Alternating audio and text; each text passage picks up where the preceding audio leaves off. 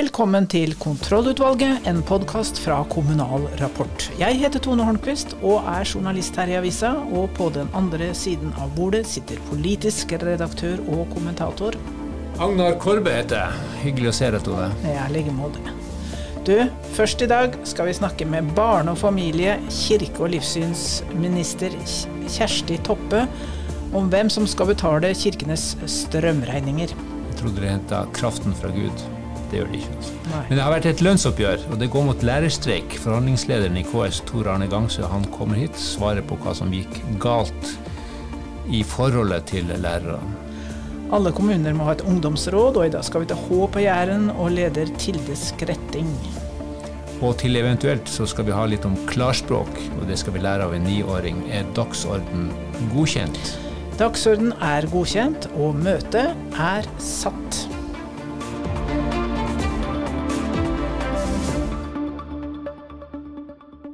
Flere kirker har stengt pga. høye strømpriser. Det er eh, rett og slett for dyrt å varme dem opp. Det har vært et eh, problem før òg, men strømprisene har også gjort at eh, flere, enda flere kirkelige fellesråd har bestemt seg for å holde kirkene lukket. Og det har fått barne- og familie-, tros- og livssynsminister Kirsti Toppe til å skrive et brev til alle landets kommuner. Og Toppe, hva er meldingen din til kommunene? Jeg har eh, skrevet et brev til alle landets kommuner, ja, og bakgrunnen er det som eh, dere forteller om at uh, vi er bekymra for at kirkene holdes stengt eller får redusert aktivitet i en tid der vi virkelig ser behovet for at kirkene er åpne tenker etter pandemien, og vi står i en flyktningsituasjon. men pga. de høye strømutgiftene, så er det en del kirkelige fellesråd som ser seg nødt til det. Og Det har vi fått en del bekymringsmeldinger om.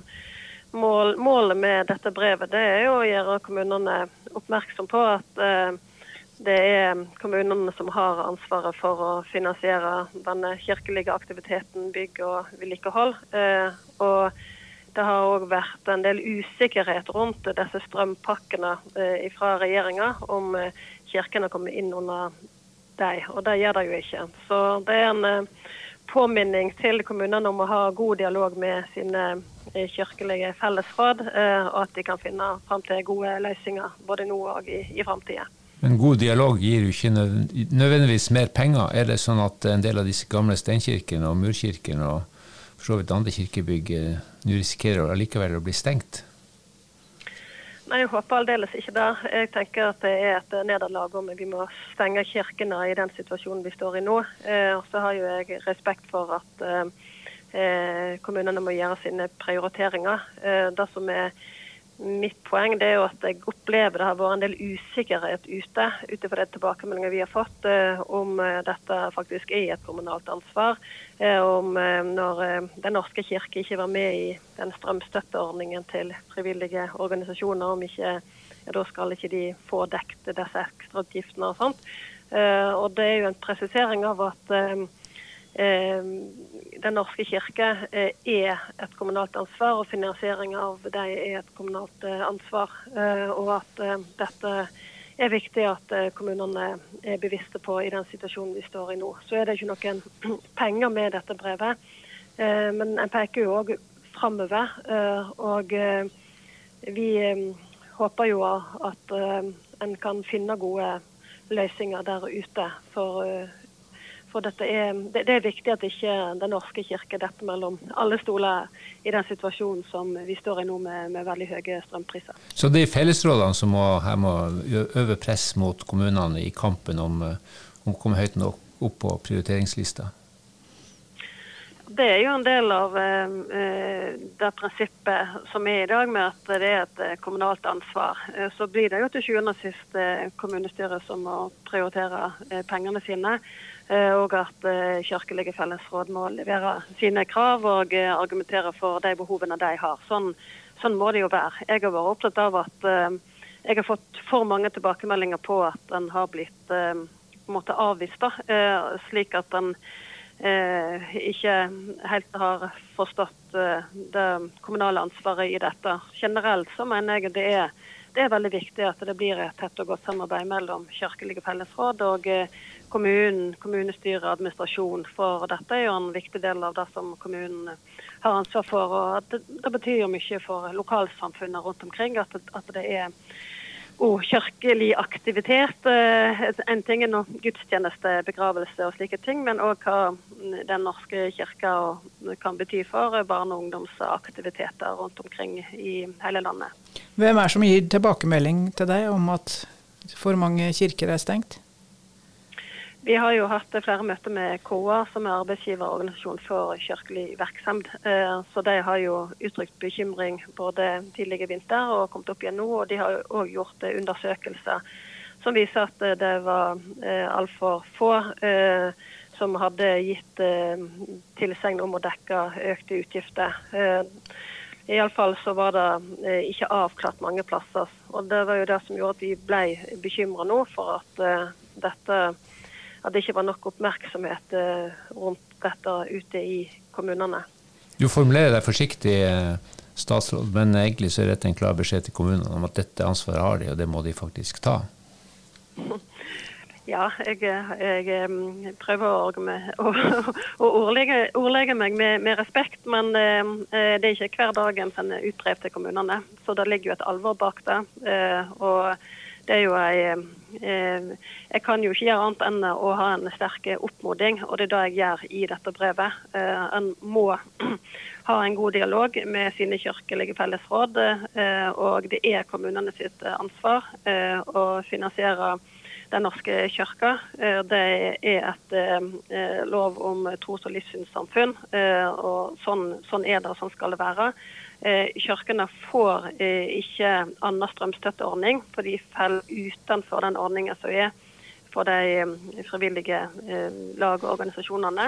Og Da er det kommunen som må hjelpe kirkene. Og så er Grunnen til at det skjer nå, er òg fordi at det er avgjørende mener jeg, at kirkene får holde åpent i en tid etter en pandemi og i en flyktningsituasjon så er det ikke nå eh, vi, vi, vi, trenger eller kan forsvare at eh, kirkene må stenge pga. at en ikke får eh, penger til oppvarming.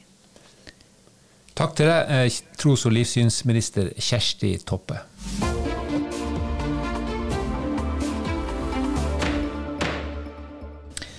Lønnsoppgjøret er eh, over, nesten, for det gjenstår en eh, lærerstreik. Og vi har fått eh, KS forhandlingsleder i Tor Arne Gangstø i studio til å oppsummere oppgjøret og, og snakke litt om streiken som kommer.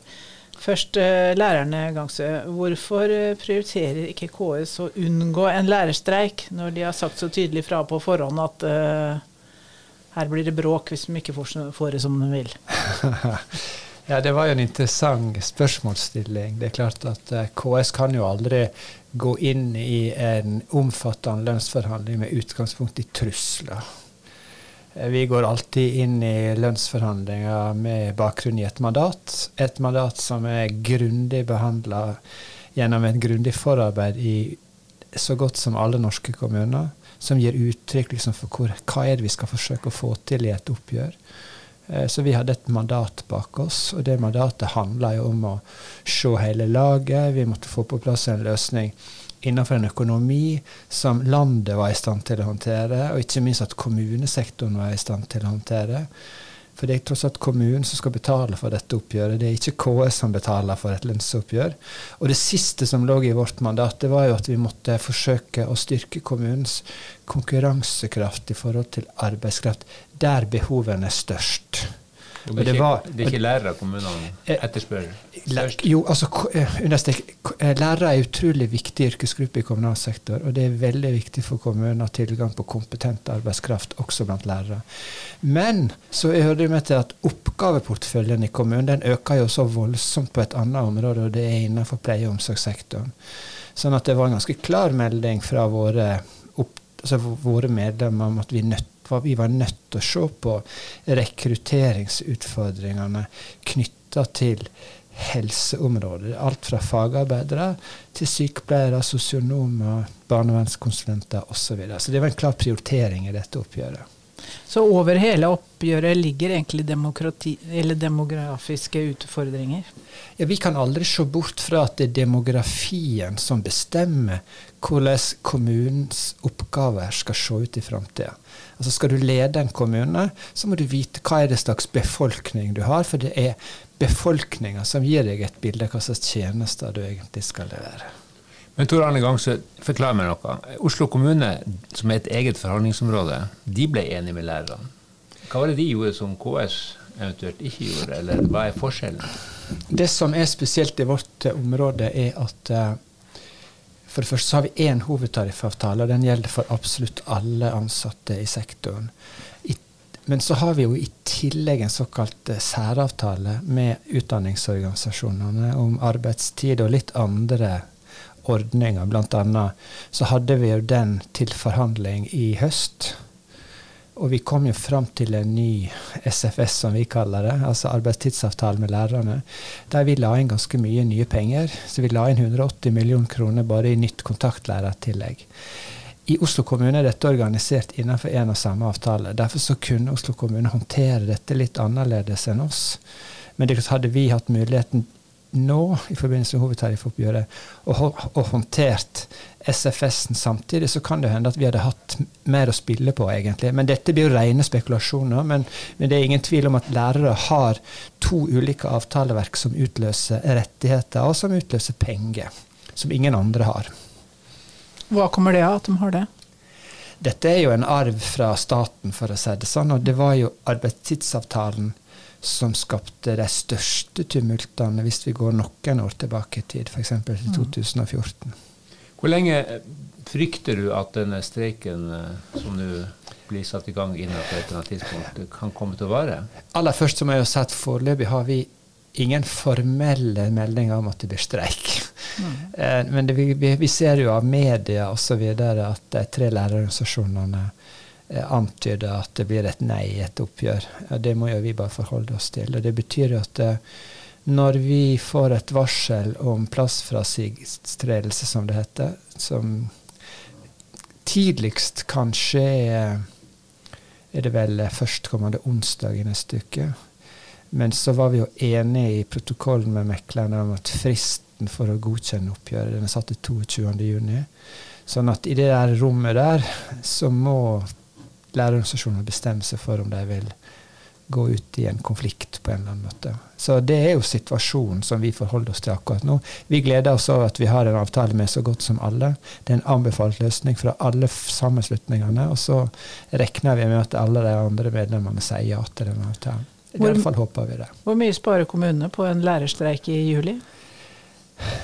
Det er jo umulig å svare på før man ser hvor mange lærere som blir tatt ut i streik. Men så vidt jeg forsto det som vi har hørt fra media, så ser det vel ut som at man sparka i gang en veldig liten streik tidlig. Eh, og det vil jo Ja. Det må vi forholde oss til. Altså, men en ting, hvis jeg skal være litt sånn på lærernes parti et øyeblikk her. Um, hvorfor er dette forholdet mellom KS og lærerorganisasjonene så anspent? For det virker jo at hver gang man diskuterer rekruttering, hvordan man skal få tallene, så er det veldig sånn uenighet. Og sånn, det, det, det, sitter litt langt inne. Ja, det, det er et veldig godt spørsmål. Veldig, hadde det vært enkelt å svare på det, så uh, skulle jeg ha kommet med det enkle svaret akkurat nå, så skulle vi ha levd opp til det. Men det, vi ser jo at vi analyserer utfordringsbildet litt ulikt. Uh, og vi får ulike tilbakemeldinger fra våre kommuner om hvordan behovene egentlig er. Eh, som jeg har prøvd å sagt, Som arbeidsgiverorganisasjon så er vi veldig opptatt av at kommunen skal være i stand til å tiltrekke seg de beste lærerne. Eh, men samtidig så må jo vi også forholde oss til at kommunen melder at det største trøkket er helt andre plasser. Så det er et sånt dilemma vi er nødt til å klare å håndtere. Men eh, hvis du ser historisk på dette, hvis du går helt tilbake igjen til tidlig 80-tall, så er det jo ingen tvil om at denne typen diskusjon som vi har nå, den har vi hatt fortløpende eh, sånn i mellom ett hvert år eller annethvert år. Så det har vært mye konflikter, uavhengig av hvem som har vært arbeidsgiver med lærerne. Dette er en stor, omfattende tariffavtale som, med unntak for lærerne og de tre organisasjonene som er i, i boks. På tampen, er det noen andre elementer der som du vil trekke fram, som er viktige for kommunene? Det aller viktigste som jeg mener vi fikk til nå, det er jo at vi har rigga et nytt opplegg for det vi kaller for eh, ulempetillegg. Altså det, det, den erkjennelsen av at uh, medarbeidere i helseområdet jobber kveld, natt og helg. Så nå har vi fått på plass et system som både gir bedre økonomisk uttelling, og som er rigga på en annen måte, og som ligner veldig på det systemet som sykehusene har. Derfor så opplever vi nå at det er stor glede blant de fagforeningene som, som eh, organiserer medarbeidere innenfor helseområdet i kommunal sektor. Tor Arne Gangsø, forhandlingsdirektør i KS, takk skal du ha.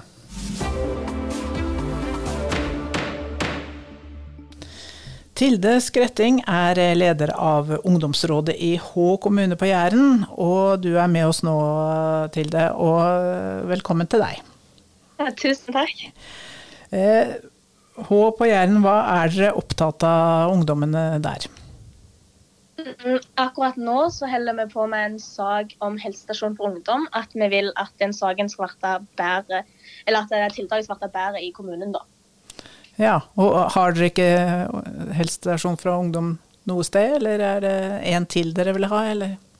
Eh, vi har helsestasjon for ungdom i Hås. Vi har to stykk, men vi vil åpningstidene skal bli lengre, sånn at eh, flere folk har tid til å komme innom tilbudet. For det er mange som ikke bruker tilbudet pga. at det er liksom ikke oppe lenge nok. Så, ja. Når er det åpent, da? Eh, det er åpent på mandager ifra klokka to til halv fem, tror jeg det. Ja. Hvis jeg ikke husker feil. Og da ligger det i nærheten av en skole, eller eh, er det vanskelig å komme seg dit? Eh, vi har en på Nærbø som ligger på det helsesenteret. Og Den er ganske lett å komme seg liksom, fra togstasjonen og sånn. Og så har vi også en på Vigrestad. Ja. Den er, men den har bare oppe til kvart over tre fra klokka to. Hva, hvorfor uh, tror du det vil bli Er det behov for mer åpningstid for, uh, på, på helsestasjonen? Ja, for vi merker iallfall det. For vi har liksom litt rundt og spurt folk på en måte om de brukte det. Så Vi tok jo denne saken på når det var noen som hadde opplevd at de kom, liksom, og så måtte de sitte lenge og vente i kø, for det var ikke eh, tid nok til å ta dem, så de måtte bare gå hjem. For de hadde ikke åpningstid lenge nok. Så de fikk ikke den hjelpa de trengte. Hvordan har dere tatt denne saken videre i kommunen? Eh, vi tok da, så skrev en sak, og så sendte vi den inn til helse og sosial, og så de tok den saken opp i sitt styre. Ja. Har de uh, fatta noe vedtak i saken? Eh, ja, vi fikk et svar som hadde et møte, nytt møte i går. Og da var vi ikke helt enige i alt det de svarte, så derfor har vi på en måte tatt den saken og liksom sendt et svar til dem, da, hva vi mente. Ja, Hva var dere ikke var fornøyd med? Um, det var f.eks. at uh, vi mente f.eks. at de kunne komme og være seg litt synlige på ungdomsklubb eller noe, men de skrev at de ikke for hadde utstyret til å liksom utføre ting. Men da mener lurer vi på om de bare kan komme og liksom lage relasjoner, for da kan det jo være lettere for folk å komme til helsestasjonen. Ja, så hvis det, eh, de som jobber på helsestasjonen viser seg litt fram på ungdomsklubben, så folk vet hvem de er. Mm. Eh, er det andre saker dere er opptatt av i ungdomsrådet? Eh, vi har også holdt på å ta opp en om vi kunne få noe flere bysykler, så jeg kunne komme lettere komme seg eh, rundt forbi. Ja. Eh, og så har vi også hatt en sak Eller det er egentlig de sakene vi har liksom lagd sjøl. Og så har vi bare, har vi liksom svart på de sakene som vi har fått av andre folk. Ja. Så dere har vært høringsinstans for kommunestyret? Mm, så vi skal bare liksom ja, si vår mening om det de lurer på. Ja. Hvordan er det å sitte i ungdomsrådet? Mm, jeg syns det er ganske gildt at vi på en måte får lov å være med og ha en stemme da, og liksom ha noe å si for hva valg som kommer til å bli bestemt. da. Er det noen av dere som kommer til å fortsette som politikere? Er det noen som er politisk aktive? Eh, jeg er litt usikker. Jeg tror egentlig alle bare er liksom med i ungdomsrådet, så er ikke noe mer enn det. Nei. Og du, da? Vil du bli eh, politiker? Jeg Jeg vet ikke. Jeg, det er liksom første året jeg er med i ungdomsrådet, så det er jo litt gildt å prøve ut og så liksom få et innblikk i politikken og hva det er for noe. Og så gikk du rett og ble leder på første året? Ja. ja. Mm. Ja, men takk til deg, Tilde Skretting. Det var fint å høre litt om åssen det er i Hå kommune.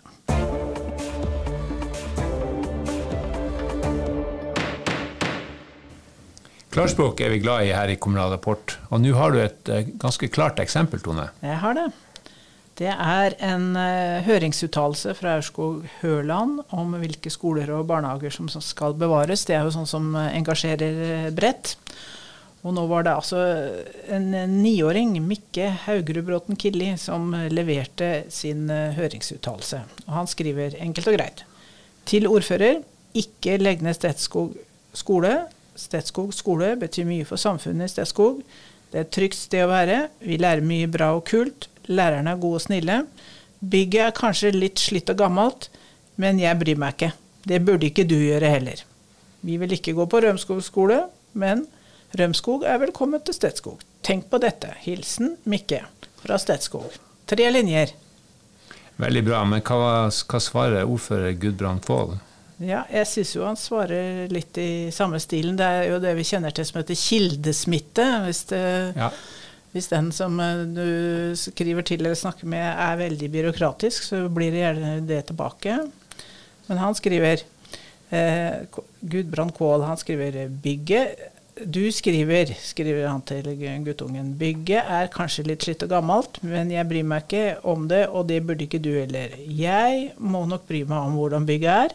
Her er det lover som stiller krav om gode lokaler som er egnet til undervisning. Lokalene skal ha god luft, som gjør det lett å jobbe der, både for lærere og elever, og som er tilfredsstillende etter FNs bærekraftsmål og barnekonvensjon. Det siste var kanskje litt vanskelig for en niåring å få med seg, men Han hadde nok ikke svart en advokat på den måten, men det er veldig klart og tydelig. jeg Og ganske det. kort fra begge parter. Men eh, spørsmålet er skal de legge ned skolen. Det har ikke vi fått Nei, det har vi ikke fått eh, svar på ennå. Vi skal følge dette. Men det var, den fikk sagt mye på få linjer, syns Ja. du ikke? Absolutt noe som alle bør legge merke til. Svar klart og konsist. Jeg syns den her var bra, eh, så da runder vi av med det, og møtet er eh, hevet. Det gjør vi. Vi hever møtet. Det var vi to som leda sendingen, Tone og Agnar, og vi sto for det tekniske. Britt Sofie Hesvik er ansvarlig redaktør for podden og hele Kommunal Rapport, ikke minst vår nettavis og vår ukeavis, som du kan få både digitalt og på papir. Logg deg på, sørg for å ha abonnement, sørg for å ha tilgang, og hør oss igjen ganske så snart.